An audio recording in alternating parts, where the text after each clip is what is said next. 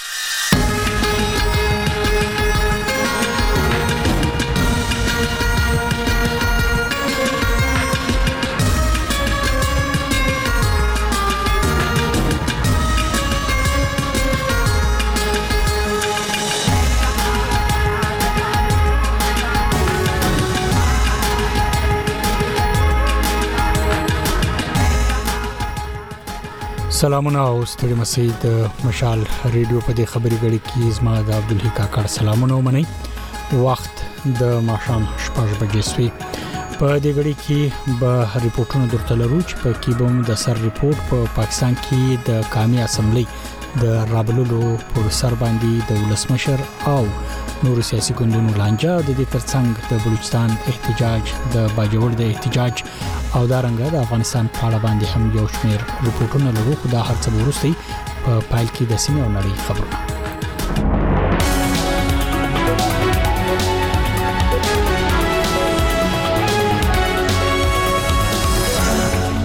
سرټکی د مسلم لیګ نون سیاستواله مریم نواز د پنجاب او مراد علي شاه د سند د اعلی وزیران په توګه باندې منتخب شوې دي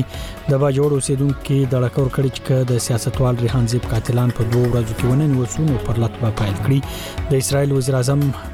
اعلان کړی چې فوج له غزې پټي ځخه د عام وګړو د وټول لپاره یو پلان وړاندې کړی دی اوس هم د خبرونو تفصيل د مسلم لیګ نواز سیاستواله مریم نواز د پنجاب او مراد علي شاه د سند اعلی وزیران منتخب شوي دي پنجاب اسمبلی 301 اویا چوکۍ لري او د قانون لمخې د اعلی وزیر د انتخاب لپاره د ساده اکثریت یعنی یو سل شپږ اتیا رایو ضرورت وي مریم نواز نن 240 ووټونه ترلاسه کړل او اعلی وزیر شو هغه ته د مسلم لیګ نون پیپلز پارټي پاکستان مسلم لیګ قائد اعظم او استحکام پاکستان ګوند غړو رائے ورکړي مریم نواز د اعلی وزیر په توګه تر منتخبېدو وروسته اسمبلۍ ته ول دا د پاکستان د هر خور او مور لپاره د ویاړ خبره ده چې د اعلی وزیر په کرسۍ نن یوه ښځه راغله. هر اس پاکستان کی بهن کا اعزاز هې، هر ماء کا اعزاز هې کې آج کرسی پې پاکستان کی پهلی خاتون وزیر اعلی کھړی هې. له مریم روا سره په مقابله کې د سنی اتحاد شورا یا کونسل رانا آفتاب احمد خان هم د نوماندی اسناد جمع کړي خو لرای اچونی څخه د ګوند د بایکاټ لوجي نو موړي هیڅ ووټ ترلاسه نکړ بل پلاو د پیپلز ګوند مراد علي شاه نن د سین صوبې نوې اعلی وزیر وټاکل شو د فروری په 18 نیټه په سند اسمبلی کې د اعلی وزیر ټاکلو لپاره ټولي یو سل اته څلوېښت رای واچول سوې، مراد علي شاه د یو سل دوولس رایو په اخیستو سره بریالی سو، د هغه په مقابله کي ولاړ د متحده قومي مومنټ پاکستان له خوا علي خورشیدي شپږ دېرس رایې تر لاسه کړې، مراد علي شاه تر دې له مخه هم دوه ځله د سیند اعلی وزیر پاته سوی دئ. په همدې حال کي د خیبر پښتونخوا او بلوچستان ګورنرانو د فروري پر اتویشتمه د صوبايي اسمبلۍ غونډه وربللې چي په کي به یو نومنتخب غړي لوړه کوي، ټاکل سوې چي د خیبر پښتونخوا د اسمبلۍ غړي هم هغه ورځ سپیکر او د هغه مرستیال او د صوبې نوی اعلی وزیر غوره کړي. په بلوچستان کې د څلور ګوندونو اتحاد خپل احتجاج د صوبې نور ضلعو ته د غزولو پریکړه کړې ده د پښتونخوا ملي عوامي ګوند بلوچستان نېشنل پارټي هزاره دیموکراتیک او نېشنل ګوندونو د اتم فروری په ټاکنو کې د مبینه درغلیو خلاف له تیر شاوخوا ولس ورځو راځي د کوټي ډیپټي کمشنر دفتر مخې ته پر لټ والیو خو پروند ختم کړ په دې اړه د پښتونخوا ملي عوامي ګوند صوبایي مشر قهر ودان مشال ډیډو ته پروند وویل چې اوس به دوی په نورو ضلعو کې هم احتجاجونه کوي هغه زیاته کړه چې باید انتخاباتي کمیشن په ټاکنو کې د درغلیو په اړه خپل تیروتنې معلومه کړي خو د پاکستان انتخاباتي کمیشن په ټاکنو کې د ټګوي تورونه ردوي او په وار وار ویلي چې انتخابات شفاف وو د باجوړ اوسیدونکو د ډکور کړي ک د سیاستوال ریحان زیب قاتلان په دوه ورځو کې ونه نیول سونو پر لټ په پایل کړي د باجوړ اوسیدونکو د ریحان زیب د وژونکو د نه نیول کېدو ضد پرون د پاکستان په بیلابیلو سیمو کې احتجاجي مظاهره وکړې په اسلام آباد کې د مظاهره ګډونوال عطا الرحمن مشال ریډیو ته د فروری پر 15 مې ویل چې د ریحان زیب د وژنې وروسته ورته د باجوړ انتظامی د قاتلانو د نیولو لپاره لومړی لس ورځې او بیا 15 ورځې وخت ورکړ خو نومړي وایي چې دومره ورځې تیرېدو باوجود هم حکومت خپل ژمنې پوره نه کړې هلته د پېښور کلاسیک کلب مخې ته د مظاهره ګډونوال نور اسلام بیا مشال ریډیو ته وویل خو آیا دا چرته په دې ورځ دوه کې گرفتار شو نو بس موږ ته به وخی او موږ ته به زړه ته تسلی ملا شي کونه چرته گرفتار نشي نو بیا به موږ راتلونکي لایمل برابرو کو هغه په باجوړ کې ان شاء الله د درنې په شکل سبا کینو په پیښور کې وي په اسلام آباد کې وي او په کراچۍ کې وي ریحان زیب د پاکستان تحریک انصاف ګوند د باجوړ ضلع په خوانی مشر او د فروری اتم په ټاکنو کې د قامي اسمبلی د اتمې او صوبایي اسمبلی 22مې حلقې لپاره آزاد امیدوارو چې د جنوري په 13مه په صدیق آباد پاټک سیمه کې د وسلوالو په ډزو ووجل سو دایښ وسلوالې ډلې د دې پیښې ذمہواري منلې و د باجوړ اوسیدونکو د ریحان زیب د امنیت نه ساتل پر سر د باجوړ پر انتظامی او امنیتي چارواکو سخت نیوکې کړي او د باجوړ پولیسو او ملیشي ځواک په تیر وختونو کې په بیا بیا ټینګار کړي چې د امنیت مخنیوي لپاره کوټلي ګامونه پورته کړي دي د پاکستان په زیاتره برخو د افغانستان په یو یویش ولایتونو کې نن د ګوزړ ناروغي واکسین کمپاین پیل شوی دی د خیبر پښتونخوا د پولیو مخنیوي ادارې نن په بیان کې ویلي چې په هغه صوبه کې 15 ورځنی کمپاین په دوه پړاوونو کې کیږي د ادارې په خبره په لومړي پړاو کې په لکه مروتو او ډیر اسماعیل خان او د مارچ د دریمه ځخه د صوبې په پاتو ضلعو کې تر 15 کلونو پورې عمر لرونکو ماشومان واکسینې شي د پاکستان سرکاري ریډیو وایي چې په بلوچستان او سند کې به کمپاین تر یوې ونې روان وي په همدې حال کې له پولیو د خلاص افغانستان په نوم بنسټ چې د ملګرو ملتونو د ماشومان ادارې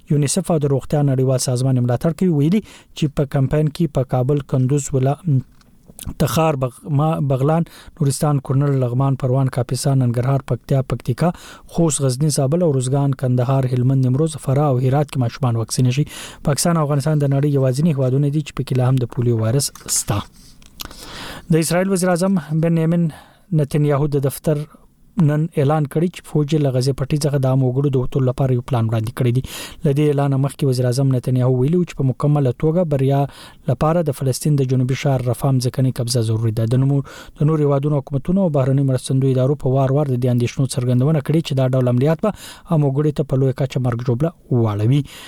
له یو اعشاریه څلور میلیونه څخه زیات فلسطینیان چې زیاتره یې له بل ځای څخه بې ځای شوي، د غزې په رفاه ښار کې جمع شوي. رفاه هغه وروستی ښار دی چې د اسراییل مځکنیو ځواکونو پرې لا قبضه نه ده کړې. دا ښار د هغو مرستو لپاره داخلېدو هم ځای دی چې د ګاونډي هېواد مصر له لارې ورته وړل کېږي. او د افغانستان کرکټ بورډ ادارې د آیرلینډ په وړاندې یوازینۍ ټېسټ سیالۍ ته شپاړس کسیزه لوبډله اعلان کړه. ټاکل شوې دغه ټېسټ سیالي د فروری په اتویشتمه د متحده عرب اماراتو په ابوظبۍ ښار کې پیل شي. رحمان ګربز او خلیل ګربز دوه هغه لوبغاړي دي چې په لومړي ځل ټیسټ لیست کې شامل شوي په اعلان شوی لوبډله کې حشمت الله شهیدی کپټن رحم الله رحمان الله ګربز اکرام الله علي خیل ابراهيم زدران نور علي زدران رحمت شاه عبد الملک ناصر جمال بهیر شاه کریم جنت ظاهر پکتین ضیا اکبر خلیل ګربز نجات مسعود نوید زدران او ابراهيم عبدالرحمنزي شامل دي خبرونه پای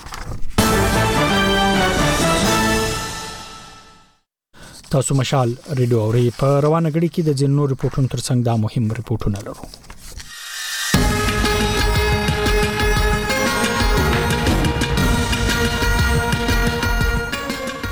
د پښتون بلوڅو څلور ګوندیزه اتحاد په کوټه کې د فروری اتم په انتخاباتو کې د مبینه درغلي پر ضد خپل اولس ورځنۍ پرلت پای ته رسولې خو پر مخ به څه کوي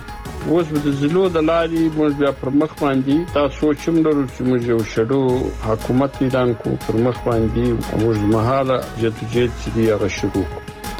په باجوړ او نور سیمو کې د باجوړ د قامي صوبایي اسمبلی لپاره د وژل شوی امیدوار ریحان زیب د قاتلانو د ننیولو پر ضد مظاهرې سوي دي. زمونږ سکیورټي ادارې ولې دومره کمزوري دي چې د په ډک بازار کې د تاڼې مخې ته قتل کیږي د نامعلومو وسله والو د او مونږ ادارو ته پته نه لیږي مونږ لرې تحفظ راکړلی شي.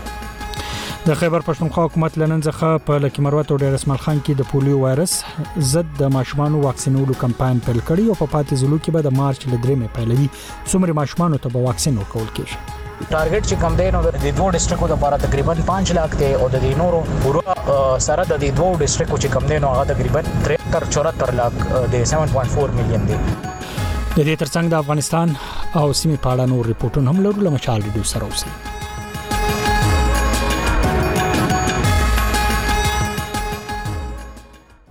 پایل هم د پاکستان له سیاست کو په پاکستان کې د پارلماني ټاکنو پس د منتخب سو غړو د سوګند پورته کولو او بیا د سپیکر او وزیر اعظم انتخاب لپاره د قامي اسمبلی غونډه تر اوسه لا نه درابل شوې د قانون تر مخه د ټاکنو پس په 21 ورځو کې د قامي اسمبلی غونډه د لسمشر لخوا رابل کیږي د قانون وزارت څلور ورځې مخکې د دې غرض لپاره ولسمشر ډاکټر عارف علوي ته یو رسمي لیکم لېږلی خو تر دا مهاله هغه لاسلیک کړی نه دی او نه هم رد کړی دی د قانون او آئین زیاتره ماهران وایي چې ولسمشر په دې اړه ډیر واک نه لري او ارومرو به د قامي اسمبلی اجلاس ورغواړي دوی وایي چې که صدر د قامي اسمبلی غونډه نور غواړي نو د اسمبلی سپیکر هم ورغښتلای شي د 8 فروری د ټول ټاکنو پس په 19 فروری یو ورځې پوره کیږي د ولسمشر لخوا د قامي اسمبلی اجلاس نور بلل په اړه کوم رسمي بیان نه دی ورکړ سوی خو ولسمشر په حواله پر رپورټونو کې ویل کیږي چې هغه دریز لري چې د ځانګړو چوکۍ د ویش نه کول په وجه پارلمان نیمګړی دی تفصیل اسلام آباد راشد خټک راکوي په پاکستان کې په اتمه فرورۍ انتخابات تر سره شول خو د وزیراعظم د جوړېدو لپاره د قومي اسمبلۍ غونډه تر اوسه نه ده رابلل شوې. د انتخاباتو نه پس د غړو د سوګند پورته کولو او بیا د سپیکر او د وزیراعظم د انتخاب لپاره د قومي اسمبلۍ غونډه د ملک صدر په یوویشت ورځو کې دننه راغواړي. څو ورځې وړاندې د قانون وزارت صدر ډاکټر عارف علوي ته په دې هکله یوه سمري هم ورلېږلې ده خو صدر تر اوسه نه ده دستخط کړې. د قانون او آئین ماهران وائي چې که د انتخاباتو نه پس په یوویشت ورځو کې دننه صدر د قمي اسمبلۍ اجلاس راو نه غواړي نو د قمي اسمبلۍ سپیکر یې هم راغوښتۍ شي. په دې حقله قانون پوه او د خیبر پښتونخوا بار کونسل د آئیني کمیټۍ چیرمین سید مبشر شاه مشال ریډیو ته وویل. ون تھرډ آف نیشنل اسمبلی ممبرز چې کوم وي کنه نو هغوي به ریکویزیشن به وکړي سپیکر ته چیرې تاسو دغه روغاړی اجلاس خو په هغې کې که دند دا دی چې فی الحال لا اوت نه دی اغیستل شوی نو چې اوت نه دی اغیستل شوی نو دوی د نیشنل اسمبلی ممبران دي نه نو دوی دغه ریکویزیشن نشي کولی دریم صورت د دې دا دی چې د نیشنل اسمبلی سپیکر چې کوم دی ځکه چې پرویز اشرف اوس سټیل لا دی هغه سپیکر دی هغه هغه پاور ایکسرسایز کیږي انټل انلس چې بل سپیکر لا نه وي منتخب شوی. چې دی په خپله ليټر وليکي صدر ته چې ياره دغه شان کانسټيټيوشنل ريکوايرمنټ دی او دا پوره شوي دي او ته دا راوغواړه نو بيا دا کيدی شي او زما په خيال چې دا دريم صورت په اوس حکومت په دغه طريقه جوړي که پريزيډنټ نه راغواړي اجلاس نو ديو په دغه طريقه به. د صدر لخوا د قومي اسمبلۍ اجلاس نه رغښتو په اړه کوم ليکلی او رسمي بيان نه دی جاري شوی. خو په اسلام اباد کې د خبر ټي وي ډایرکټور نیوز مبارک علي وایي چې د کمې اسمبلۍ اجلاس نه راغوښتلو لویه وجه دا ده چې د تحریک انصاف ازاد غړو ته چې په سوني اتحاد کونسل کې یې د شاملېدو اعلان کړی دی د ښځینه او اقلیتونو دپاره ځانګړې شوې چوکۍ نه دي ورکړل شوي. او د صدر نظر دا دی چې د ځانګړو شوو چوکیو د وېش نه کولو په صورت کې پارلیمان نیمګړی دی. ده په دې اړه د مشال ډو پوښتنه داسې ځواب کړه. ولسمشر چې کومه سمري لېږلې شوې ده د متعلقه وزارت له خوا د غونډې رابللو په هغې لاسلیک نه دی کړی او یو وجه دا ویلې کېږي چې تر اوسه پورې الېکشن کمېشن له خوا هغه چې کومه ریزرف سېټونه دي هغه له تر اوسه پورې نه دي اعلان شوي ازاد امیدوارانو یا د پاکستان تحریک انصاف چې کومه منتخب غړي دي د هغوی لپاره چې کومه د هغوی چې به کومه ریزرف سیټونه وي په هغوی باندې لا اعلان نه دی شوی نو دا یو وجه ویل کېږي چې په دې وجه باندې ولسمشر عارف علوي د چا تعلق چې د پاکستان تحریک انصاف سره دی هغه دغه دغه چې کومه قانوني تقاضا ده هغه نه پوره کوي الیکشن کمیشن اف پاکستان هم خپل غونډه را بللې ده او اټکل کیږي چې د ځنګړو چوکیو په اړه به خپل پریکړه ډیر زر اعلان کړي د 2013 کال د انتخاباتو نه پس هم دغه صورتحال جوړ شوی وو چې یو ګوند په ټاکلې موده کې دننه د ځنګړو چوکیو لپاره د امیدوارانو فهرست د الیکشن کمیشن اف پاکستان سره نه و جمع کړی، خو وروسته د لاهور های کورټ په حکم په یادو چوکیو کې برخه ورکړل شوه. اوس هم تحریک انصاف او سني اتحاد کونسل د ځنګړو چوکیو لپاره فهرست له انتخاباتو وړاندې نه دی جمع کړی، ځکه چې غړو یې په ازاد حیثیت کې په انتخاباتو کې برخه اخیستې وه. په اسلام اباد کې د ورلډ ټریبیون ایډیټر افتخار مشواڼي وایي چې د کمې اسمبلۍ په غونډه کې ځنډ د ملک په ګټه نه دی. ده په دې اړه مشال رېډیو ته وویل. څه تر اوسه پورې آئینی ماهرین په دې منی نه دي کنسل کړي چې د دې غا آئینی څه پوزیشن دی لیکن بل غاړه ته چې نگران حکومت هغه دا وی چې صدر چې کوم دی هغه پابند دی چې هغه په دې سمری باندې د ساتو کې او پارلیمنت اجلاس چې کوم دی یو ویش ورځو کې دنه دنه چې کوم دی هغه روغاړي نو دا چې کوم دی دا اوس یو غیر ضروری قسم غا تعطل دی او دا نه ده پکار ځکه چی ملک پهله هم دومره د مسایل شکار دی غیر یقینی سیاسی او معاشی صورتحال دی دا غیر ذمه دارانه حرکتونه د دواړو طرف نه دی د صدر طرف نه هم دی او حکومت چی کوم دی یا الیکشن کمیشن دی د هغوی طرف نه هم دی. په قومي اسمبلۍ کې د ښځو لپاره شپېته او د اقلیتونو لپاره لس ځانګړې چوکۍ دي. چې سیاسي ګوندونو ته د هغوی د غړو په حساب ورکول کېږي. الیکشن کمېشن اف پاکستان د ښځو لپاره ځانګړې شوو چوکیو کې تر اوسه څلوېښت سیاسي ګوندونو ته ورکړي دي او د نورو اعلان یې نه دی کړی. دغه شان د اقلیتونو لپاره ځانګړې شوې لس چوکیو کې اووه اعلان کړي دي او درې پاتې دي. راشد خټک، مشال رېډیو، اسلام اباد. د مشال رادیو په خبري غړې کې ل روانو چارو څخه د خبرېدو ترڅنګ شننې او تبصرې هم اوریدای شئ او سم زو بلوچستان ته په بلوچستان کې څلور ګوندیزه اتحاد په انتخاباتو کې د درغلي پروسه پر لات ختم کړی دی او پریکړه کړې ده چې اوس بخپل احتجاج نور ضلعو ته غزوي بلخو د بلوچستان اسمبلی غونډه د فروری پر 28مه رابلل شوې ده خو تر اوسه د صوبې د اعلی وزیر د نوم اعلان کوم غوند نه دی کړی د کارپان په خبره په صوبه کې د ګډ حکومت جوړېدو ځخه لمخه د اختلافات سره مخامخ دي نور حال لکوټي د مشارډیو خبريال ایوب ترين راکوي په بلوچستان کې د څلورو ملتپالو سیاسي جماعتو اتحاد په صوبه کې د مبینه درغلۍ اټګۍ په ضد د ډپټي کمشنر کوټې د دفتر و مخ ته خپل احتجاجي پرلت ختم کړی دی. د پښتونخوا ملي عوامي ګوند، بلوچستان نېشنل ګوند، هزاره ډېموکرټيک ګوند او نېشنل ګوند د اتم فروري د عامو ټاکنو وروسته په کوټه کې د تېرو اوولس ورځو راهيسې پرلت وهلی و. په دې ترڅ کې د مشاليډو سره په خبرو کې د پښتونخوا ملي عوامي ګوند صوبايي صدر قهار خان ودان وويل چې په انتخاباتو کې د ټګۍ په ضد به دوی اوس خپل احتجاج د صوبې تر نورو ضلعو پورې پراخ کړي. نو کوم چې د الکشن کمیشن دا دوې ورځې دا اختیارات سته موږ دغه ګزارش چې وکړي چې بابا د الکشن کمیشن دا دوې ورځې اختیارات دي به چې خپل غلطیانې رکټیفای کی نور موږ خپل احتجاج چې دی اب ضلعو ته واړوي اوس به د ضلعو د لارې موږ بیا پر مخ باندې دا سوچ هم لرو چې موږ یو شډو حکومت اعلان کو او موږ دا احتجاج پر مخ باندې اوږدمهاله جدوجهد چې دی هغه شروع بل دا دی چې په ګد ملک کې د الیکشن غندنه شوې ده نو موږ دې ته هم انتظار یو څو ورځې کې به د ملک پر سطح باندې هم یو احتیاط او یو احتجاج داسی اعلانیږي نو موږ به د هغې هم حصه جوړیږو. بل پلو ته د بلوچستان ګورنر ملک عبدالولي کاکړ د بلوچستان اسمبلۍ غونډه د فروري په اته ویشت مه نېټه ماپښین درې بجې را طلب کړې ده په کوم کې چې به د بلوچستان نوي ټاکل شوي د اسمبلۍ غړي د خپلو چوکیو سوګند پورته کوي د بلوچستان اسمبلۍ د سکرتر په خبره چې د فروري په نویشتمه نېټه به د بلوچستان اسمبلۍ د سپیکر او ډپټي سپیکر انتخاب انتخاب کېږي. د هغه څخه څو ورځې وروسته به د بلوچستان د نوي اعلا وزیر ټاکنه رامنځته کېږي، خو تر اوسه په ښکاره توګه د بلوچستان د نوي اعلا وزیر تر څنګ د سپیکر او ډپټي سپیکر د نمو اعلان نه دی شوی. په دې ترڅ کې چې موږ کله په کوټه کې د نامتو خبریال سید علي شاه څخه وپوښتل نو هغه راته وویل چي د حکومت د جړېدو څخه له مخه د سیاسي جماعتو په منځ کي بیا اختلاف رامنځته سوی دئ. په مسلم لیګ نون کي د وزارتو پر تقسیم باندي چي دئ هغه ډېر زیات اختلافات دي، پر سپیکر شیپ دئ، پر ډپټي سپیکر دئ او بیا تاسو ته معلومه ده په خیبر پښتونخوا کي، سند کي، بلوچستان کي، په پنجاب کي وزارت اعلی چي دئ د هغه نامزدګي وسوله،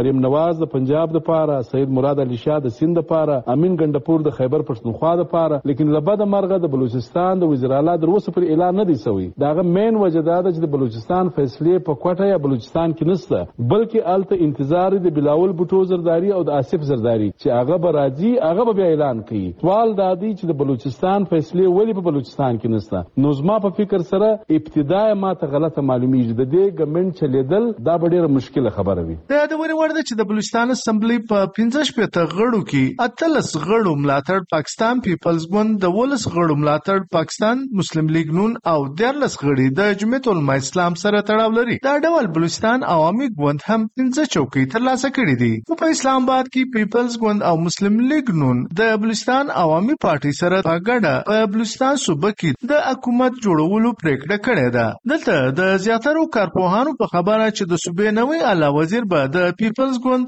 او د بلوچستان اسمبلی سپیکر به د پاکستان مسلم لیګ نون او ډیپټي یا مرستال سپیکر به د بلوچستان عوامي پارټي سره تړاو ولري د کوم د نومو اعلان چې به ډیر ژر وسی د مشال ریډیو واتس اپ چینل دلته تازه خبرونه، راپورونه، ویډیوګانې، تصویرونه او غږیزې خبرونه ترلاسه کولای شئ. زموږ له واتس اپ چینل سره ملګري شئ او له دوستانو سره شریک کړئ. اوس باجوړ ته ځو د باجوړ مدني او سیاسي فعالانو د هغې ضلع په ګډون د پاکستان په مختلفو شهرونو کې د قامي او صوبایي اسمبلی د پخوانی خپلواک نوماند ریحان زیب د وژنې پر ضد مظاهره کړي نوموړی د جنوري پر 11مه د انتخاباتي کمپاین پر مهال په وسلوال برید کې وژل شوی پر هغه د حملې ځموري اسلامي دولت داعش ډلې منلې و د پرونیو مظاهرو ګډونوالو له چارواکو څخه غوښتنه وکړه چې پر ریحان زیب د په برید کې ککړ کسان ژر ګرفتار او د قانون منګولو ته وسپاري. حکومت لا د احتجاجیانو د څرګندونو په اړه څه نه دي ویلي، خو تر دې مخکې یې ټینګار کړی و چې په هغه برید کې د ککړو کسانو د نیولو هڅې کوي. عظمت علي شاه تفصیل لري. د فرورۍ په پنځویشتمه د باجوړ اوسېدونکو او مدني فعالانو د ملک په بېلابېلو ښارونو کې د ریحان زیب د وژونکو د نه نیولو پر ضد احتجاجي مظاهرې وکړې. دا د پېښور پریس کلب مخې ته د باجوړ اوسېدونکي دي چې د باجوړ د صوبایي او قامي اسمبلۍ د ازاد امیدوار ریحان زیب د قاتلانو د نه نیولو پر ضد احتجاجي مظاهره کوي. ریحان زیب د پاکستان تحریک انصاف پخوانی ضلعي مشر و او د فرورۍ د اتمې د انتخاباتو لپاره د قامي اسمبلۍ د اتمې او د صوبايي اسمبلۍ د دوه ویشتمې څوکو نه ازاد امیدوار و چې د جنورۍ په یو دېرشمه د نامعلومه وسله والو په ډزو وژل شوی و. د پېښور مظاهره کې شریک د ریحان زیب ملګري نور اسلام مشال رېډیو ته وویل، که د ریحان زیب وژونکي په دوه روزه کې ګرفتار نه شو نو باجوړ کې به پرلت پیلوي. خو آیا دا چرته په دې ورځ دوو کې ګرفتار شو نو بس موږ ته به وخی او موږ ته به زړه ته تسلی ملا شي کونه چرته ګرفتار نه شي نو بیا به موږ راتلونکی لایمل برابرو خو هغه په باجوړ کې ان شاء الله درنې په شکل سبا کینو په پیښور کې وي په اسلام آباد کې وي او په کراچۍ کې وي. دا په اسلام آباد کې د ریحان زیب د قاتلانو د ننیولو پر ضد احتجاجي مظاهره ده مظاهره کې شریک د باجوړ اوسیدونکي عطا الرحمن مشال رېډيو ته وويل چې د نوموړي د مرګ وروسته احتجاج کول نو د باجوړ انتظاميې ترې د قاتلانو د ګرفتارۍ لپاره لس ورځې او بيا يو اونۍ وخت واغستو خو د پنځه ويشتو ورځو تېرېدو وروسته په احتجاج مجبور شوي دي. دا تقريباً پچيس چبيس ورځې وشوې د ريحان زيب چې کوم دی د هغه يو بهمنه طريقې سره د هغه قتل شوی او نه د شپې شوی نه په پټه شوی بلکې په یو بازار کې ښه په ښکاره باندې شوی دغه سی سی ټي وي فوټیج موجود دی دغه چې کوم دی باقاعده ثبوتونه موجود دي خو دغه باوجود هم چې دی تر اوسه پورې د انصاف د ملاویدو سره چې امکان نشته دی بلکې څه امید نشته دی او چې کوم د هغې لپاره کوم تاریخ په تاریخ ورکړی کېږي نو د هغې په حواله سره نن چې دی د باجوړ خلک چې دلته احتجاج کوي د شهید ریحان زیب لپاره او دا د هغې د فیملي خلک نه دي نه د هغې رشته دار دي بلکې دا د باجوړ هغه خلک دی د چا چې د ریحان زیب نه امیدونه. د باجوړ د پولیسو ویاند محمد اسرار د جنورۍ په یو دېرش مه مشال رېډیو ته ویلي و، ریحان زیب په همدغه روځ د خپلو درېو نورو ملګرو سره یو ځای په باجوړ کې په ګاډي کې روان و چې نامعلومه کسانو یې پر ګاډي ډزې وکړې چې په نتیجه کې څلور واڼه ژوبل شول خو ریحان زیب وروستو په روغتون کې ساه ورکړه. د پېښور احتجاج کې شریک یو بل تن زیرولي مشال رېډیو ته وویل چې د راتلونکي حکومت یې یوه غوښتنه ده چې په قبایلي سیمو کې دې امن راولي. دا څنګه چل دی، زموږ ته امن نشته، زموږ سیکورټي ادارې ولې دومره کمزورې دي چې د په ډک بازار کې د تاڼې مخې ته زموږ قتل کېږي او موږ شهیدان کېږو د نامعلومو وسله والو او موږ ادارو ته پته نه لېږي، موږ لرې تحفظ راکړلی شي. مونږ ته هیڅ هم نه دی پکار مونږ ته صرف او صرف قبایلو ته مونږ ته امن پکار دی چې په دې وطن کې مونږ لږ په سکون باندې ژوند تیر کړو. ریحان زیب د پاکستان تحریک انصاف غړی ؤ خو ګوند ورته ټیکټ نه ؤ ورکړی نو ځکه یې د ازاد امیدوار په حیث په انتخاباتو کې برخه اخسته د پاکستان انتخاباتي کمیشن د ریحان زیب تر وژنې وروسته په باجوړ کې د صوبايي اسمبلۍ په حلقه د انتخاباتو ځنډولو اعلان کړی دی. داعش ډلې په ریحان زیب د برید ذمه واري منلې ده. عظمت علي شاه، مشال ریډیو، پېښور.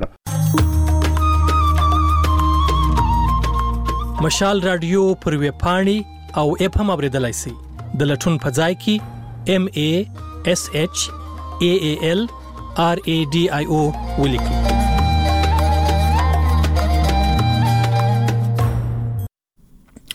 د خیبر پښتونخوا بلوچستان گورنرانو د فروری 28مه د دواړو صوبو د اسمبلی غونډې وربللې دي د خیبر پښتونخوا په اسمبلی کې د تریک انصاف ملاتړ لرونکي استاذي غوڅ اکثریت لري ټاکل شوی چې د اسمبلی غړي به تر لوړي وروسته نوې سپیکر د هغه مرستيال او بیا اعلی وزیر هم منتخب کړي هلته عوام نشل ګوند ویلي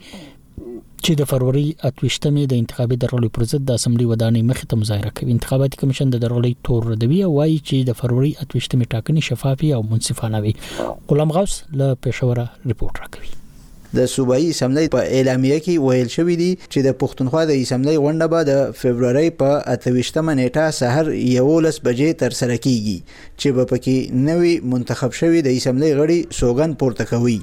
او د اسمبلۍ د نوي سپیکر، ډپټي سپیکر او اعلی وزیر انتخاب به هم په دې اجلاس کې تر سره کیږي. په پېښور کې خبریال او شینونکی لیاز علي وايي، تېر کال د جنورۍ د میاشتې نه پښتونخوا صوبه د یو منتخب حکومت نه محرومه ده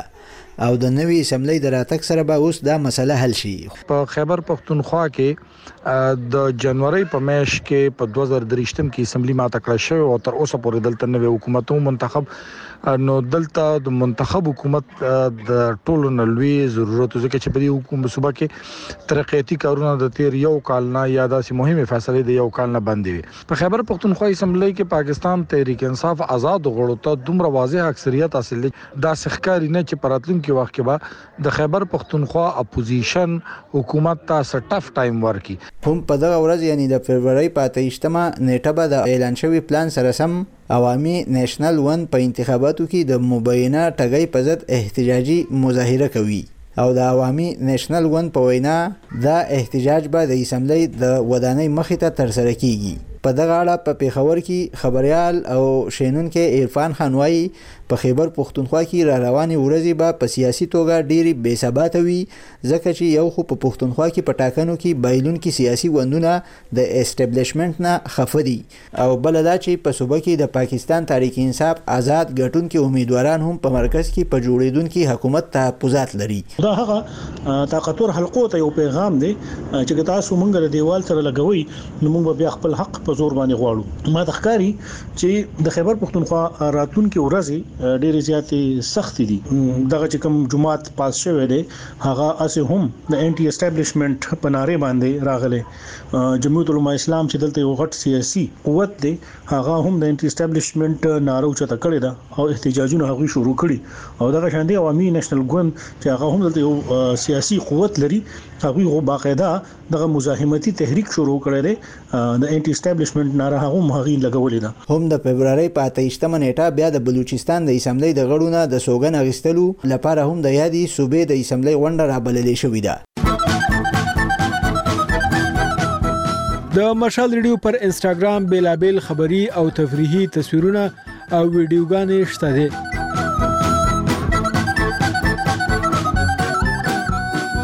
کولای شئ خوښې یې کړئ او تبصرې یې پرې وکړئ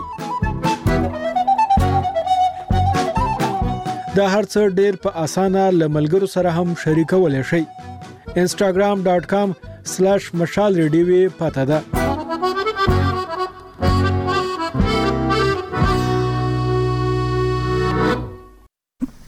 او سم د خبرونې نیمای ته تر رسیدو لمخه یو ریپورت د پاکستان په زیاتره برخو کې لننه د ګزر ناروغي واکسینی کمپاین پیل شوې دی خیبر پښتونخوا د پولیو مخنیوي ادارې چارواکي وایي چې هلته نن په لکه مروت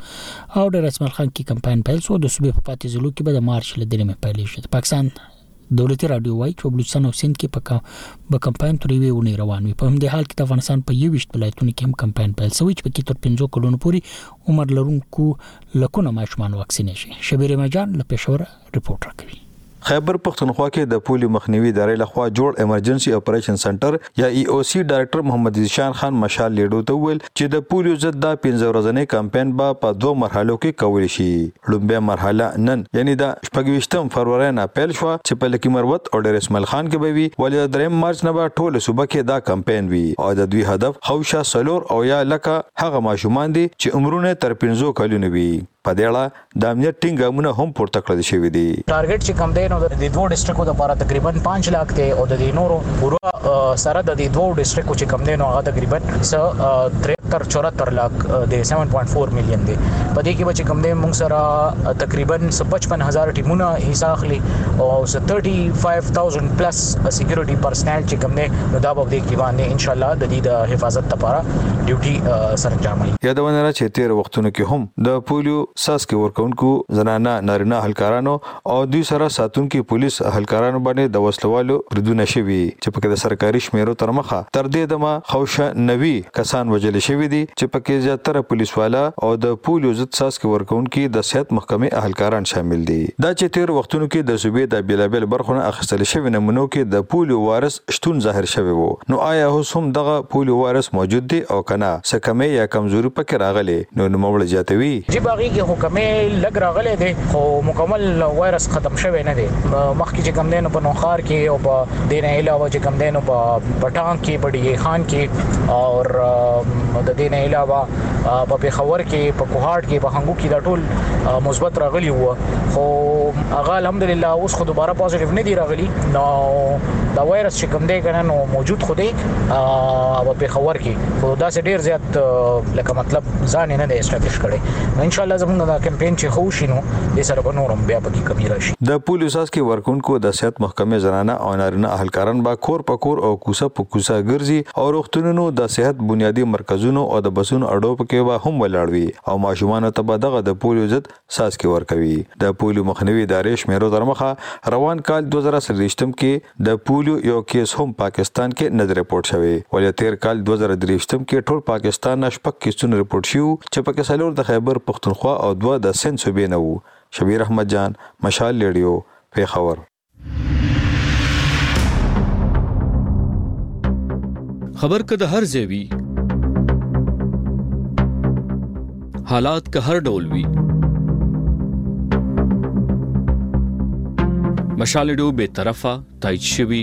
کره او لومړي لاس معلومات درکوي لمشال سره اوسئ له خبري نړۍ سره پاتې شئ او سم د خبرونو نیمه تر غلیو د خبرونو لنډیس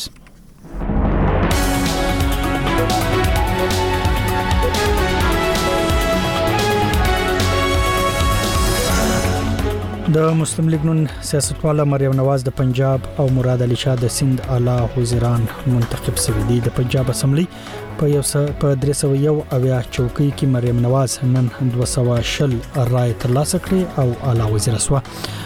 بل پلو د پیپلز ګوند مراد علي شاه نن د سین صوبې نوې اعلی وزیر وټاکل شو په بلوچستان کې د څلورو ګوندونو اتحاد خپل احتجاج د صوبې نورو ضلعو ته د غزولو پریکړه کړې ده د پښتونخوا ملي عوام پارټي بلوچستان نېشنل ګوند هزاره ډیموکراټک او نېشنل ګوندونو د اتم فروری په ټاکنو کې د مبارات درغلۍ خلاف د تیر شاوخوا ولس ورځو راځي د کوټې ډیپټي کمشنر دفتر مخې ته پر لټ وهلې خو پروندې ختم کړې د باجوړو سیدونکو د لکور کړي چې د سیاستوال ریحان زیب قاتلان په دوه ورځو کې ونه نیول شو نو پر لټ په پایل کړی د باجوړو سیدونکو د ریحان زیب د وژونکو د نن نیول کېدو ضد د فروری پر 15مه د پاکستان په بیلابیلو سیمو کې احتجاجي مظاهره کړې دي د پاکستان په زیاتره برخو د افغانستان په 21 ولایتونو کې نن د ګوزن ناروغي واکسینی کمپاین پیل شوی دی د خیبر پښتونخوا د پولیو مخنیوي ادارې نن په بیان کې ویلي چې په هغه صوبه کې 15 ورځنی کمپاین په دوه پړاوونو کې کېږي د ادارې په خبره په لومړي پړاو کې په لکه مروت او ډیر اسماعیل خان کې او د مارچ له دیمې څخه د صوبې په پاتې ضلعو کې تر 15 کلن پورې عمر لرونکو ماشومان واکسین شي د اسرایل وزیر اعظم بنیامین نتنیاهو نن اعلان کړی چې فوج له غزه پټي څخه د عام وګړو د وټول لپاره یو پلان وړاندې کړی دی لدی اعلان مخکې نتنیاهو ویلو چې په ممکنه توګه بریا لپاره د فلسطین د جنوبي شهر رفان ځکنې قبضه ضروری ده او د افغانستان کرکټ بورډ د ادارې د ایرلند پر وړاندې یوازینی ټیسټ سیالي ته 14 کسیزه لوبډله اعلان کړې ده ټاکل شوې چې دغه ټیسټ سیالي د فروری په 28مه د متحده عرب اماراتو په ابوظبي ښار کې وسی تاسو مشال ریډیو اوري خبرونه لنډیز مو اوریدلې او سم دوه مې نیمای ترغلي په دوه مې نیمای کې درته د افغانستان په اړه یو شمېر ریپورتونه لرو او دا رنګه د سوات او سیمه په اړه نور ریپورتونه هم ستا خو افغانستان ته زو په خوست ولایت کې سیمه ییزو طالب چارواکو انجونو لرسنوي سره رابطو کولو منع کړی د افغان خبريالانو مرکز په خوست کې طالبان د امنیه قومندانۍ یو لیک خبر کړی چې پکې د رسنوي چلونکو ته خبرداري سوي چې ک په خبرونو کې د انجونو اړیکی جواب کړي نو قانوني چلند به ورسره وسی د ولایت دوه رسنیو چارواکو پرون د موضوع مشال ریډیو ته تایید کړه او د اندیشنې وړ وبلله خو طالبان د حکومت چارواکو لا په دې اړه څه نه دی ویلي د سنا کاکړي رپورټ اورو د افغانستان د خبریالانو مرکز د یکشنبې په ورځ خبر ورکړ چې د خوست امنیه قوماندان عبدالرشید عمري د دغه ولایت د اطلاعات او کلتور ریاست ته د یوه مکتوب په استولو سره په دغه ولایت کې له رسنیو سره د نجونو اړیکې نیول منع کړي دي. په خوست کې د دوو سیمه ییزو رسنیو مسؤلینو له ازادي راډیو سره د خبرو پر مهال دا موضوع تایید کړه، خو ویې نه غوښتل چې د دوی هویت او غږ په راپور کې خپور شي. د دغه مکتوب پر بنسټ، چې د افغانستان د خبریالانو مرکز یې یوه کاپي په خپله ویبپاڼه خپره کړې، د دغه ولایت له راډیوګانو او تلویزیونونو سره د نجونو پر اړیکه نیولو د بندیز ترڅنګ د رسنیو مسؤلینو ته خبرداری ورکړل شوی که د خپرونو له لارې خپلو رسنیو سره د نجونو د اړیکو نیولو زمینه برابره کړي دوی به احضار او قانوني چلند ورسره وکړي د خوست د امنیه قومندانۍ په مکتوب کې دا شوی چې یو شمیر خصوصي راډیوګانو د ښوونځیو د درسونو او یا ټولنیزې خپرونې خپرولې چې د دې خپرونو له لارې د غیر مشروع تیلیفوني اړیکو زمینه برابرېده هڅه مو وکړه چې په دې اړه د خوست ولایت د سیمه ییزو چارواکو نظر هم ولرو، خو بریالي نه شوو او د طالبانو حکومت د کورنیو چارو وزارت مرستیال ویاند قاري بسم الله حبیب هم په دې اړه د ازادي راډیو پوښتنې ځواب نه کړې. د افغانستان خبریالانو مرکز په خپله اعلامیه کې ویلي، له شپږم ټولګي څخه پورته د نجونو پر مخ د ښوونځیو د تړل کېدو له امله په دې وروستیو کې په دغه ولایت کې د رسنیو له لارې د ښوونځي د درسونو ښوونیزې خپرونې ډېرې شوې دي. د دغه مرکز د اړیکو کمېټې مشره سمیه ولي زاده ازادي راډیو سره په خبرو کې د دغې پرېکړې د لغوه کېدو غوښتنه کوي. مرکز خبرنګاران افغانستان در این زمینه. په دې برخه کې د افغانستان خبریالانو مرکز غوښتنه کوي چې دغه محدودیت دې لرې شي ځکه چې دا له قوانینو څخه سرغړونه ده او په افغانستان کې رامنځته شوي قوانین لکه د عامه رسنیو قانون او اطلاعاتو ته د لاسرسي قانون باید مراعات شي تر څو د بیان ازادي له دغه حالته وژغورل شي څو رسنۍ وکولای شي د ډیموکراسۍ له سقوط وړاندې خپلو فعالیتونو ته دوام ورکړي. د افغانستان خبریالانو مرکز د شمېرو له مخې په خوست ولایت کې د طالبانو تر واک لاندې د ملي راډیو تلویزیون په ګډون پنځلس خصوصي راډیوګانې او درې خصوصي ټلویزیونونه فعالیت کوي. طالبانو تر دې وړاندې هم د کابل په ګډون په نورو ولایتونو کې پر رسنیو بېلابېل بندیزونه لګولي دي. په ورته وخت کې په هلمند کې هم د طالبانو حکومت د اطلاعات او فرهنګ ریاست په دغه ولایت کې رسنیو ته ویلي و چې د سوداګریزو اعلانونو په ګډون په هېڅ پروګرام کې دې د ښځو غږ نه خپروي. طالب چارواکو په وار وار ادعا کړې، چې د بیان ازادۍ او د رسنیو او خبریالانو فعالیتونو ته د اسلامي شریعت او ملي ګټو په چوکاټ کې ژمن دي، خو په تېرو دوه نیمو کلونو کې په افغانستان کې د دوی د واکمنۍ له بیا پیلېدو وروسته په رسنیو باندې یې ډېر محدودیتونه لګولي دي چې د یو شمېر هېوادونو، د بشري حقونو نړیوالو سازمانونو او د رسنیو ملاتړ کوونکو بنسټونو له خوا له سختو نیوکو سره مخ شوي دي. دا مشال رادیو ده. د اتریش پولیسو ویلي چې د درو شوزو په وژنه تورن افغان وګړي د لومړنۍ پلټنو پر مهال د جرم اعتراف کړی دی د پلازمینې ویانا پولیسو پرون په بیان کې ویلي چې هغه 28 کلن سړی زندان ته لېږدولې دی پولیسو راټرز اژانس ته ویلي چې هغه د فروری پر درويشتمه شپې نا وخت د درو چنای شوزو مړي موندلي ول چې په چړو وهل شوی ول ریپورتونه وایي چې هغه شزي د تن پلورنې په یو کلب کې وو نور تفصيل صفي الله سنګزای راکوي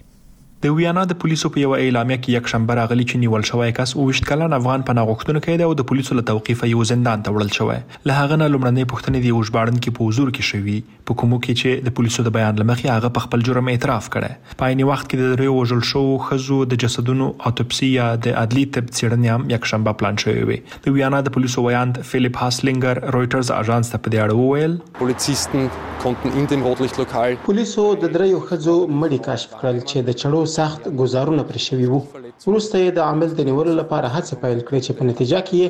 یو مشکوک کس همدې سیمې ته نږدې ونیول شو. تورن کس یو اوویست کلن افغان تبعه دی.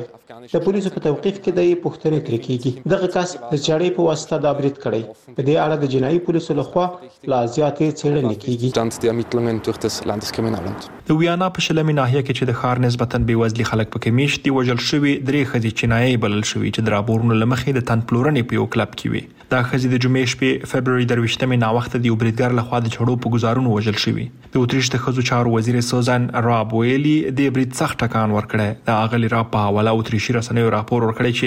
د وحشت دغه اندازه د تصور وړ نه ده. هغې زیاته کړې، سره له دې چې اتریش د داسې تاوتریخجنو پېښو د مخنیوي سیستم لري، مګر د دې پېښې مخه په دې نه وه نیول شوې چې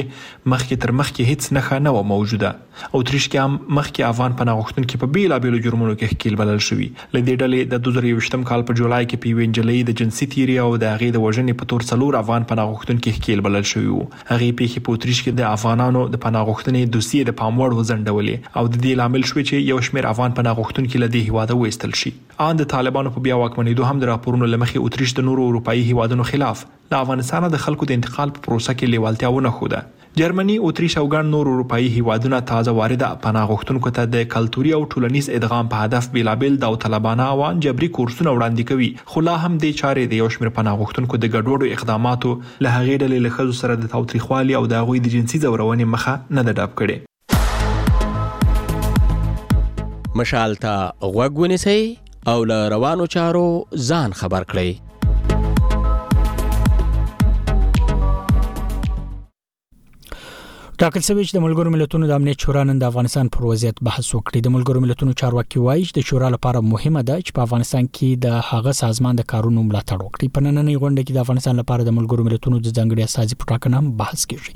د طالبان حکومت د ځنګړي اساس د ټاکلو مخالفت کړی دی د تیر کال په دسمبر کې هم په شورا کې پر دې موضوع پریکړه لیک وړاندې شوی و چې روس او چین ور باندې ل رای ورکولو ډډه کړې و یو ځل بیا ستانه سفیر الله ستانک زی ته غوښتو د ملګرو ملتونو امنیت شورا نن د تړلو دروازو تر شا د افغانستان په اړه یو ځانګړې غونډه دایروي د ملګرو ملتونو د سرمنشي مرستيال ویاند فرحان حق تیر ماښام ازادي راډیو ته په یو استولي پیغام کې د نن ورځې غونډه مهمه وبلله with the United Nations. د امنیت شورا لپاره د ځانګړي استازي د ټاکلو په ګډون په افغانستان کې د ملګرو ملتونو د کار ملاتړ خورا مهم دی. تمه ده چې په دې غونډه کې به د ملګرو ملتونو عمومي منشي انتوني ګوترېش د افغانستان لپاره د ځانګړي استازي د ټاکلو او په دوحه کې د تېرې اونۍ د غونډې په اړه خپل راپور او وړاندیزونه وړاندې کړي. طالبانو تر دې وړاندې هم د ملګرو ملتونو د ځانګړي استازي له ټاکلو سره مخالفت ښودلی او ویلي دي چې دا مهال د دغه ډول اقدام اړتیا نشته.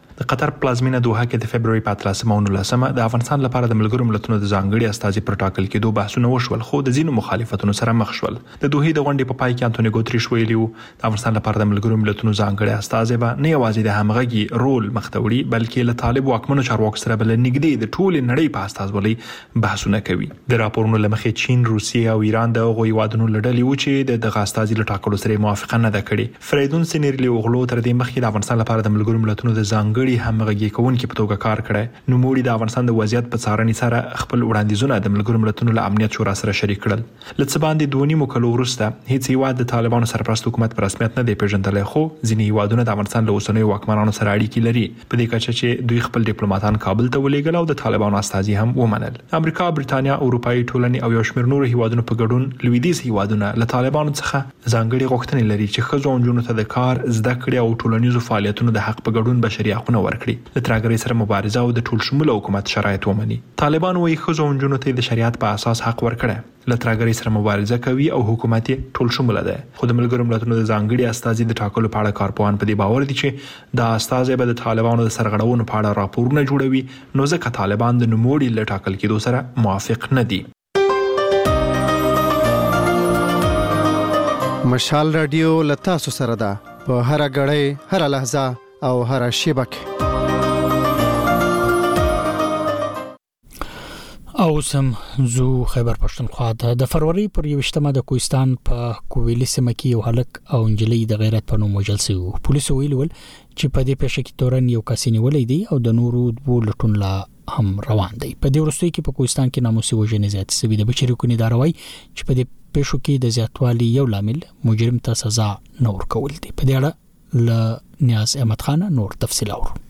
د خیبر پښتونخوا ضلع کوهستان پالس تحصیل کوز پړاو تاڼې رپورت تر مخه د فرورۍ په یوشتمه نیټه دغه سیمه کې دوه تنان یوه جینۍ او هلک په ډزو وژلی شو او د کوز پړاو تاڼې تاڼه دار محمد جاوید په مدیریت کې مقدمه درج کړی شوې دې کې درې تنان ملزمان ګرځولی شوي پولیس وایي چې دغه د غیرت په نوم وژنه ده او پکې د غیرت په نوم د وژنې خصوصي ماده هم لګولی شوې د فرورۍ په پنځشتمه نیټه د تحصیل پالس کوهستان پولیس مشر ډي اس پي محمد ریاض مشال ډېرو ته وویل چې دغه کې یو ملزم نیولی شوی دوه نورو ملزمانو لټون روان دی کوهستان غرایزه او لرې پرته سیمه ده کوهستان کې دغه او نورو پیښو په اړه د بشام خبريال عرفان خان وایي چې دغه سیمه پسمانده ده او داسې پیښې عموما کیږي کوهستان چې کوم ده دا یو بیک وړ ایریا ده او د خیبر پښتونخوا د ټول نه پسمانده علاقه ده چونکه چې دلته کې دا یو رواج دی او دلته کې دا یو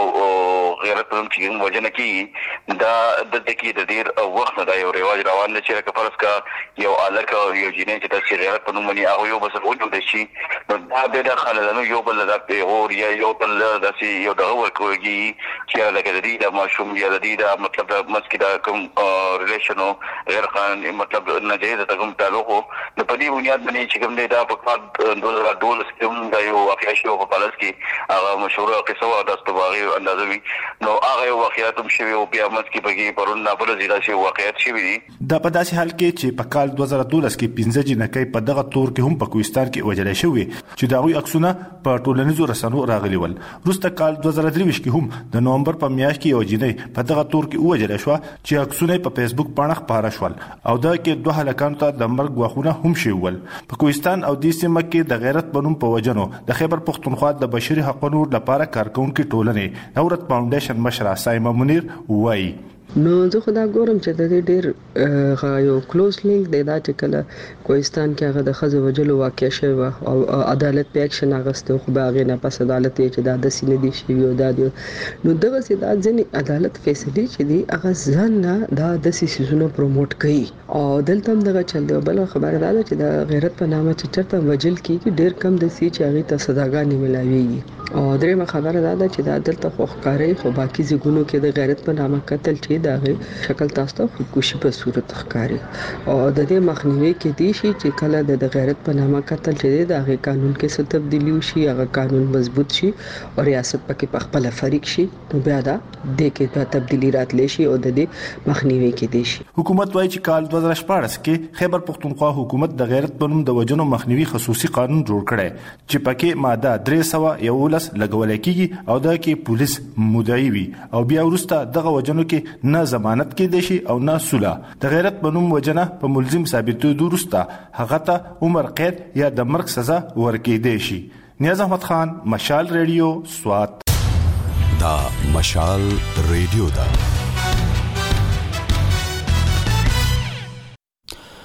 په خیبر پښتونخوا کې د ځوانو ډاکټرانو ټولنه وایي د قبایلی ضلعو روغتونونه د ډاکټرانو کارکونکو ماشينونو له لوی کمښت سره مخامخ دي د ټولنې یو مشر پرون مشاړې ټول چې هم د لامل دی چې د غوسی مخالک د وړو روغتي ستونزو لپاره پېښور او نورو شهرونو ته تاګ ته مجبور دي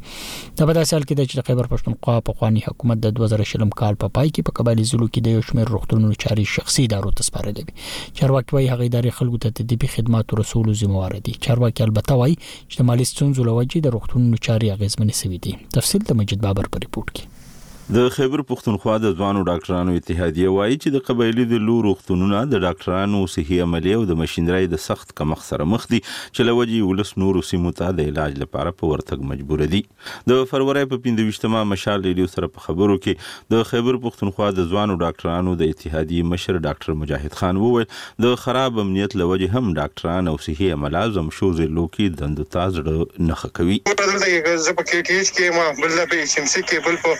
الارش کې، تاسو که وګورئ د مرج. ایریاز چې څومره هم دي د میجارټي اف پیشنټس چې کوم دي هغه په دې هسپتالونو کې د دوی پراته دي نو که اف ان کیس د هغوی هلته کې حالات ټیک وي هلته کې ورته حالانکه زموږ سره ډیر زیات پول دی په اف سي پي ایس یې خلکو پاس کړي دي سپیشلایزیشن یې خلکو کړي دي خو د جابز د کمي د وجې نه چې کې مرج ایریا کې دې اف سي پي ایس کوالیفاید خلکو له چې کوم دی هلته کې خو په لوی مقدار کې په ماس اماونټ کې چې کوم دی هلته کې زره وباسي نو دا کوالیفاید خلک به خلک به الته کې لاړ شي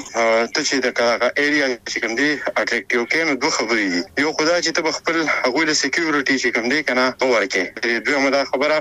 چې الته کې چونکه د هارد ایریا چې کوم الاونسز دي کنه نو دغه الاونسز د نورو په نسبت لکه په سنټر کې دي دا پیری پریوم دا په پیری پیری کې دا سي ایریا دا چې مطلب دا لري چې سړی پاغه سب کانشیس کې چې کوم دی دا خبره پرته دا په داسې حال کې دا چې د 2020 میلادي کال د دسمبر په میاشت کې په خیبر پښتونخوا کې د تحریک انصاف پخواني حکومت د ضم شوو ضلعو روغتونونه غیر حکومتي ادارو ته سپارلي ول او دغې پروژو ته یې د پبلک پرایویټ پارټنرشپ نامه ورکړې وه چې له مخه به د روغتونونو ټولې چارې شخصي کمپنۍ سمبالوي خو د ضم شوو ضلعو لپاره د صحت په صوبایي محکمه کې کوارډینیټر ډاکټر امتیاز شاه د فرورۍ په پنځه ویشت مه مشال ریډیو ته وویل چې په صوبه کې د مالي مشکلاتو له امله دا مهال د قبایلي ضلعو ټول روغتونونه د درملو، عملې او بنیادي شیانو نه محروم دي. لېبارټرۍ کې هم بلا شیزونه دي لکه یو یو لېبارټرۍ کې یو یو ټېسټ مشینونه چې کوم لګي هغې کې بیا هغې کې چې کوم ټولز لګي هغې لپاره چې کوم مټیریل لګي صحیح شوه بیا چې کوم په ریهبلیټېشن کې کوم څیزونه دي هغې کې ډېر مټیریل او مشینري دي چې هغه کمی دی که نه نن سبا وګوره د سرنج او د کینولې او د پټه پورې مونږه محتاج یو یو قسم لکه نه تا ټول پاکستان کې نن سبا د ایکس رې وګوره ایکس رې فلم د سره نشته ته لکه بیسیک شیزونه چې کوم دی هغه بل چې دی نو د میډیسن خو بیخي زیرو دی د دې نه علاوه چې تاسو وګورئ په مارکیټ کې چې کوم شیزونه لري ناغم دا خبره 5600% انکریز کړو نو لکه ډیر ډیر سیزونه دي. بلخوا د خیبر پښتونخوا د نګران اعلی وزیر د صحت په برخه کې ځانګړي سلاکار ډاکټر ریاض انور د فرورۍ په پنځه ویشت مه مشال ریډیو ته وویل چې دوی د ځمشو ضلعو یوولس روغتونونه شخصي ادارو ته سپارلي دي او د ټولو ضرورتونه پوره کولو هغوی ذمه وار دي. مونږ چې کوم رپورټس دي هغه دا دي چې او پي ډي لیول چې کوم دی هغې نه زیات شوی دی دا یو دوه درې میاشتو لپاره څه کمی راغلی وو انټرپشن هم به ځینو ځایونو کې شوي دي، سروس انټرپشن هم شوي دي، خو زیاتر هسپتالونه یا د آر اې سي هاسپټلز چې کوم دي، دا چلېدلي دي. نو دې کې دا و چې هغه کسان چې کوم دي، هغوی ډاکټران خپله هایر کړي دي، اکویپمنټ هم ایښی دی، سرجریز هم پکې شوي دي، د ګایني والا پروسیجرز هم پکې شوي دي، لیبر د ډیلیوریز هم پکې شوي دي. د ډاکټر رياد انور په خبره حکومت که څه هم په قبايلي ضلعو کې د صحي عملې او ماهر ډاکټرانو لپاره د زياتو تنخواګانو پروژې هم پيل کړې دي خو پېښوره صحي عمله او ماهر ډاکټران زم شوي ضلعو کې دندو کولو ته زړه نه ښه کوي چې له وجې د هغو ضلعو روغتونونو کې د ماهر ډاکټرانو او صحي عملې کمی دی.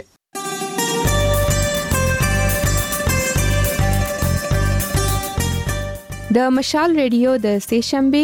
یا نه ورځې اونیزه خبرونه حجره پلسنیمو بجو د ځوانانو غږ په یوا بجا سروي په دونیمو بجو باډیوي په دریو بجو د مشال رادیوي مجله په څلور نیمو بجو. د کرښې په غاړه. په پنځو بجو.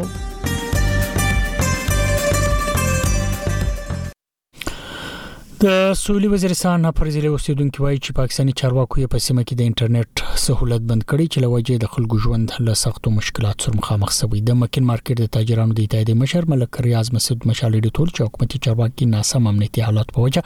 ضلعي اوسیدونکو د لپاره د انټرنیټ سہولت د تیری و میاشتو راځي بند کړی دی خو د سویلي وزیرستان نه پر ضلعي انتظامی چارواکي د نوم نشول په شرط مشال ریډیو تول چې په سیمه کې ناسم امنیتي حالات په وجه انټرنیټ د خلکو ژوند ژغورین لپاره بند کړل شوی دی او د انټرنیټ د بیا بحالولې د امنیت سره مشروط کړی دی تفصیل د اشتیاق مسجد په ریپورت کې د سویلي وزیرستان اپرې ضلعې اوسېدونکي ویايي چې چارواکیو یې د سیمې انټرنټ سهولت بند کړی دی چې په وجه یې د خلکې ژوند د سخت مشکلات سره مخامخ شوی دی. د مکین مارکیټ تاجرونې اتحادیې مشر ملک ریاض محسید په دغي باره کښې مشال رېډیو ته ویايي. موږ د اپر وزیرستان تحصیل مکین په سطح باندې یا د تحصیل سراروغ او سربکای د ماسی د ایریا چې څو راحت دو په دا کښې د اوتې میاشتې نه انټرنیټ سیستم د تری جی فور جی ولا بند دی. موږ د انتظامیه سره د ډی سی سره او د ای سی سره په قومی لول باندې مشرونه ملاقات هم وشو ورسره په یوه ږغیدی.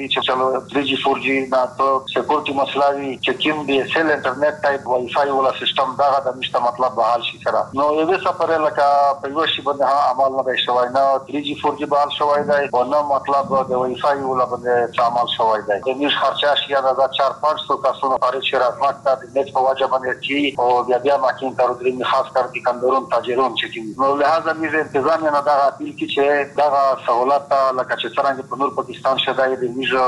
پر وزیرستان ضلع چه کیما دو دا هم د پکستان حصه هدو او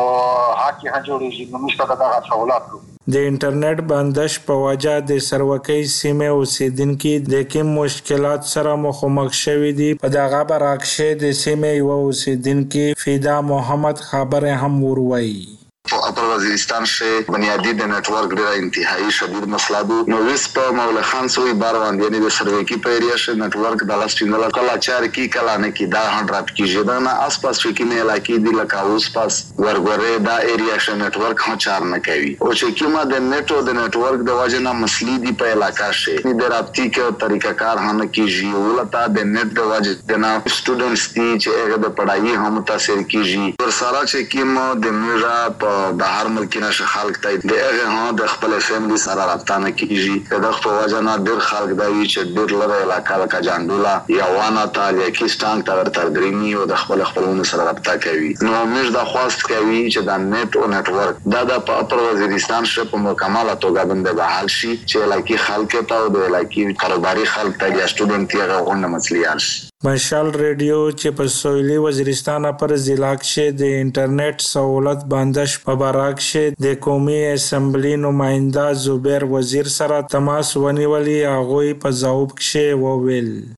ان شاء الله ميژو پيرا کوشش وي دا حلف چه وشي کنه انټرنيټ تاي ورسره دغه سه نور مسلي دي او انتهي ضروري هه داي په انټرنيټ نه نن سابو ژوند نور تيريژي هه نه په بدام دوي ميژي اخيري حد پر دا ژغ وي نيسه شره دا ژغ وزه چه ګاوه هم بدام دوي ژغيژي هم نو چه څو را دميژ نه کوشش کيژي نو کي. د سویلي وزیرستان پر ضلعې انتظامیه یوه چارواکي د نوم نه وشولې په شرط مشال ریډیو ته ویلي دي چې په ضلعه کښې ناسم امنیاتي حالات په وجه انټرنیټ د خلق ژوند ژغورنې د پوره بند کړی شوی دی خو د سویلي وزیرستان پر ضلعې اوسیدنکي ویايي چې که حکومتي چارواکیو په ضلعه کښې د انټرنیټ سهولت زر بحال نه کړي بیا به دوی په احتجاج لوس پورې کولې بنې با مجبور وي. اشتیاق مسید مشال ریډیو ډیره اسماعیل خان.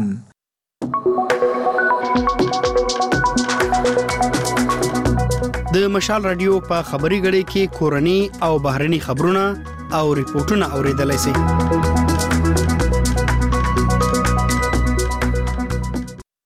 تاسو مشال ریډیو او ریو سم د خبرونی ورستای ریپورت د پاکستان په شمیر سمو کې د فروری اتم انتخابات پر مهال امولس هغو نوماندانو ته رائے ورکړي چې د فوج او امنیتي ادارو ضد درځي خپل کړي دي په دې کې لوی برخه د پاکستان تحریک انصاف ملاتړ لرونکي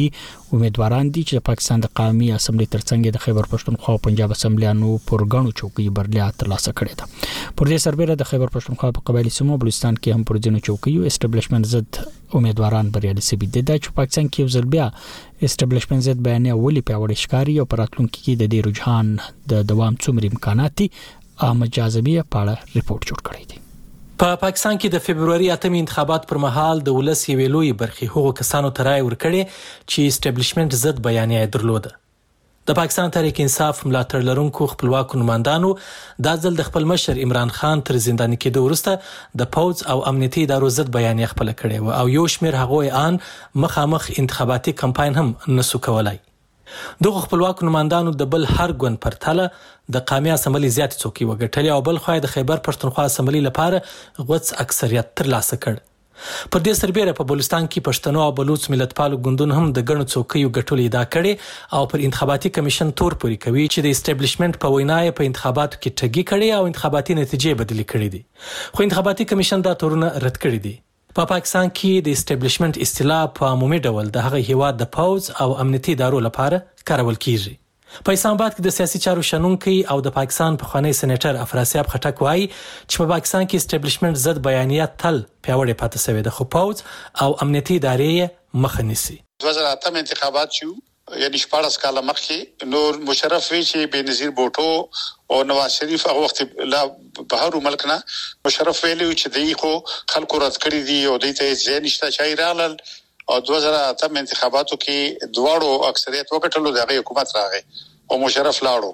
نو دا خو همیشه وه داسې تقریبا ډیر وخت نه مګر اوس لږ نورم سیوا شوې ده خو مشکل دا دی چې سیاسي پارټي مقابله نه کوي سره دې چې خلک ووټ ورکړي د اسټابلیشمنت خلاف خو نتیجې چې دی به اسټابلیشمنت کنټرول کی او حکومت هغه جوړ کی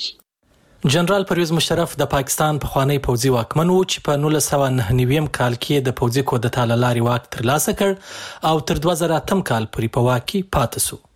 پر دې مهال په دوه زره شپږم کال کې په لندن کې د پاکستان د دوو لویو سیاسي ګوندونو پاکستان مسلم لیګ نون او پاکستان پیپلز ګوند مشرانو په هغه هیواد کې د جمهوریت د پیاوړتیا لپاره چارټر اف ډیموکراسي یا د جمهوریت منشور لاسلیک کړ. نواز شریف او بینظیر بوټو په دې لوظنامه کې پرېکړه وکړه چې یوازې ټاکل شوي استازي د پاکستان د ولس د لویو ګټو د خوندي کولو لپاره د حکومت کولو حق لري. د سیاسي چارو شنونکی او د پېښور پوهنتون پخوانی ښوونکی پروفیسر ډاکټر سرفراز خان وايي چې په نولس سوه اووه څلوېښت م کال کې د پاکستان له جوړېدو راهیسې په هغه هېواد کې پوځ تر ټولو زیات ځواکمن پاتې شوی دی او هر څوک چې یې مخې ته درېدلی هغوی یې زیانمن کړي دي. نوموړی زیاتوي چې د پاکستان لوی سیاسي ګوندونه پر خپلو جمهوري ژمنو نه درېږي او د واک لپاره له اسټبلشمنټ سره جوړجاړی کوي. ما ته داسې لږي چې راتلونکي وخت کې حالات به مزید خراب وي، د اسټبلشمنټ کنټرول به لا سیوا کېږي او ولې چې اسټبلشمنټ کوم کسان ته اجازه ورکړي اتفاقي الیکشن کولی شو. که تاسو کتلي نو عمران خان پارټي ولا هغه کسان صرف الیکشن کې اجازه ورته ورکړی شوی چې کوم چې د اسټبلشمنټ بیانیه پای کوي او دغه شان د نواز شریف پارټۍ کې هر هغه کس الیکشن بایللی دی چې کوم اسټابلیش نه غوښتو. افراسیاب خټک هم سیاسي ګوندونو ته ګوته نیسي او زیاتوي چې په ولس کې پوهه راغلې خو د هغه په وینا سیاسي ګوندونه هم باید د اسټابلیشمنټ خلاف له ولس سره ودریږي او د ولس د رایو احترام وکړي. که سیاسي پارټۍ ځان نه پوهیي خلک خو پوه شوي دي چې اصلي مسله جرنیل شاهي ده دې ملک کې او ټول اختیار د هغوی دی فیصلې هغوی کوي د مشکل چې کوم جوړ شوی دی د هغوی د فیصلو نه جوړ شوی دی خو سیاسي پارټۍ زړه نه ټینګوي چې هغوی هم د خلکو د بیانې سره ودرېږي نو تاسو ګورئ چې څوک بیا د بیانې لږ لرې شي خلک رد کړي نو خو دا دې پورې خبره ده چې په عین خو به جاري وي، ځکه څو پورې چې دغه ظلم او زیاتی او مشکلات وي، مګر سیاسي پارټۍ په کار دا ده چې خپل موقف بدل کړي او خلکو خواهشاتو او د خلکو غوښتنو سره ودرېږي. په پاکستان کې د فبروري پر اتمه د انتخاباتو پر مهال د قامي اسمبلۍ له دوه سوه شپږ شپېته عامو څوکیو څخه یې پر دوه سوه پنځه شپېته رایې واچول شوې چې د غیر حتمي نتیجو له مخې تر ټولو زیاتې یعنې یو سل یو څوکۍ خپلواکو نوماندانو ګټلې دي چې ورڅخه یې پر دوه نوي د تحریک انصاف ملاتړي نوماندان منتخب شوي دي. بلخوا په نورو لوی ګوندونو کې پاکستان مسلم لیګ نون پنځه اویا، پاکستان پیپلز ګوند پارلیمنټیرینز څلور پنځوس او متحده قامي مومنټ پاکستان اوولس څوکۍ ګټلې دي. خو ډاکټر سرفراز خان زیاتوي چې عمران خان په اصولي ډول د اسټبلیشمنټ خلاف نه دی بلکې په موقتي ډول یې ورسره اختلاف پیدا شوی چې په راتلونکي کې بیا ورسره یوځای کیدلای شي. د مشال ریډیو ویډیوګانې پر یوټیوب وګورئ زموږ بیلابیل همکاران درته خبرونه تفریحي او هر اړخیز موضوعات په ویډیوي بڼه وړاندې کوي youtube.com/mashalradio زموږ پته ده هلته ورشي تبصره پرېږدي او ویډیوګانې له ملګرو سره شریکې کړئ